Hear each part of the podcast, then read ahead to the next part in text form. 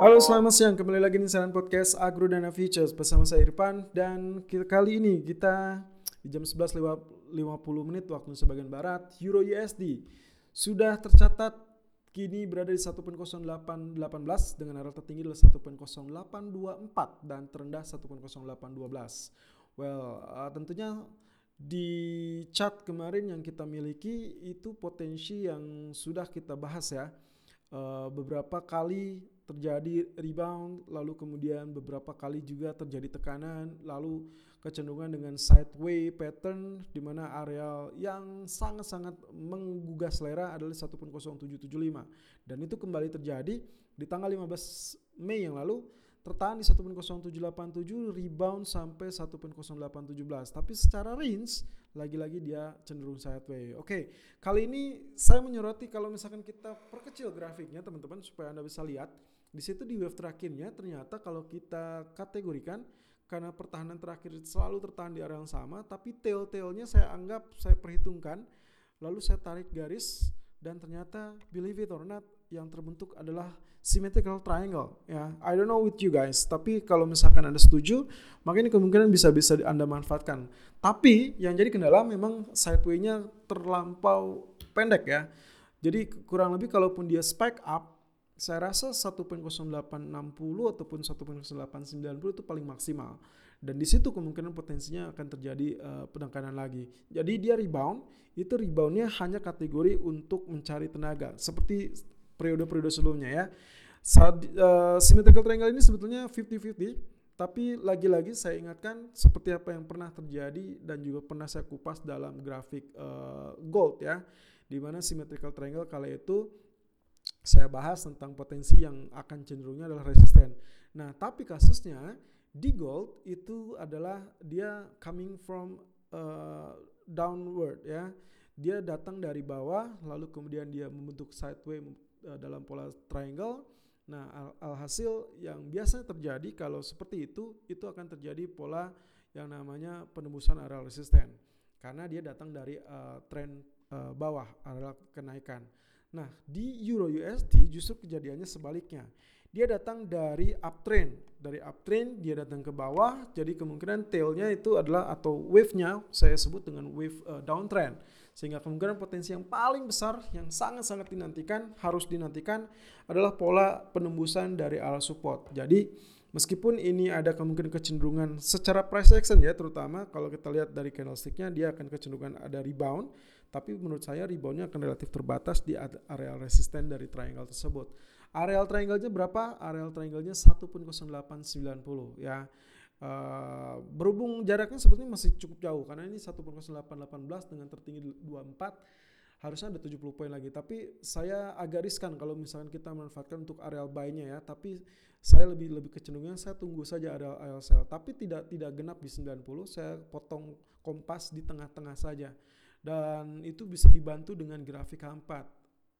Fibonacci retracement yang kita punya itu masih berada uh, tetap kita gunakan dan ada ada areal 38.2% di 1.0860 ya 1.0890 bertepatan dengan 50% area jadi saya asumsikan itu adalah resisten kuat kita sesuai juga dengan areal uh, dari resisten symmetrical triangle so sell untuk uh, euro USD kali ini sell on rally di kisaran 1.0860 ataupun 1.0872 dengan target pertama 1.0800 dan target kedua adalah 1.0750 Stop lossnya di 1.0938. Tapi kalau misalkan tidak tercapai 1.0860 bagaimana? Ya, saya serahkan kepada Anda semua. Uh, preferable mendekati area tersebut bisa juga untuk Anda pertimbangkan.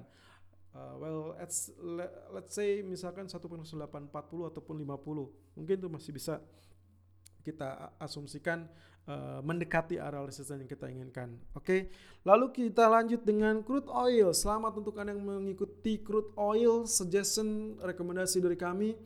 Uh, inverted head and shoulder ternyata sangat-sangat mm, fantastis dan sekarang sudah berada di area 30 dolar ya 30.73 dolar per barrel tepatnya. Ya tentunya Anda masih ingat apa yang sempat saya sampaikan berulang kali tentang potensi ini akan uh, uh, let's say dimanfaatkan dengan sangat baik karena potensinya adalah ada ada beberapa kabar yang sangat-sangat positif teman-teman. Salah satunya adalah Arab Saudi dan Kuwait yang mengatakan dari pekan lalu tentunya mereka mengumumkan akan melakukan pemangkasan produksi lebih dalam uh, di bulan Juni ya. Ini untuk mengantisipasi dropnya kembali harga minyak mentah dunia. Lalu yang kedua juga nanti akan ada pertemuan dari dari dari uh, North Dakota ya dari dari produsen oil di AS tentang uh, mungkin lebih kepada pengeboran ya pengeboran di AS dan juga Baker Hughes kemarin itu dirilis dengan uh, sangat rendah ya jadi penurunan menunjukkan penurunan Baker Hughes ini menunjukkan uh, jumlah titik pengeboran atau beberapa berapa pengeboran yang dilakukan.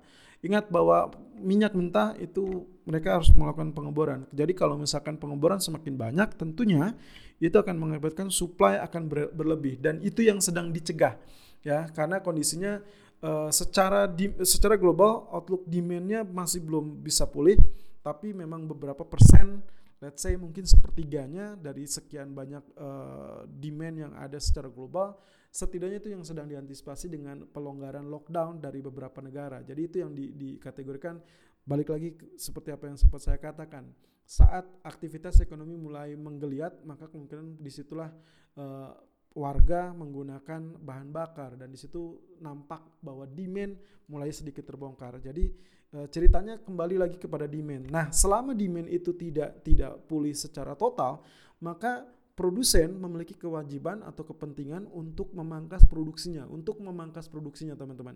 Jadi pilihannya demand yang pulih atau pemangkasan produksi untuk memotong supply ini. Supply ini tidak boleh berlebih. Meskipun kemarin-kemarin kita yang takutkan adalah supply-nya masih terlampau berlebih.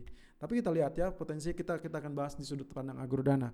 Well untuk kali ini walaupun dia uptrend masih berlanjut, uh, saya rasa target juga Anda bisa lihat dalam channel YouTube kami Agrono Futures Official 50% area dari inverted head and shoulder targetnya adalah 35.73 sekarang area tertinggi masih 30.89 dengan terendah 30.26 running pass 30.70 well of course kalau kita pertimbangkan dari grafik uh, crude oil di grafik 4 sebetulnya dia sudah mencapai target maksimal dari ascending triangle yang kita miliki kemarin dan itu di 29 dolar ya 29.60 jadi menurut saya yang sangat-sangat potensial kali ini adalah kita nantikan potensi koreksinya terlebih dulu Anda bisa manfaatkan ini karena range cukup jauh areal ideal untuk buy-nya di kisaran 28 sebetulnya, 28 atau 29. Jadi karena dia sudah berada di menjelang 31, well of course 35 bisa saja berpulang langsung terjadi ya target 50%. Karena target uh, 100%-nya dari inverted head shoulder itu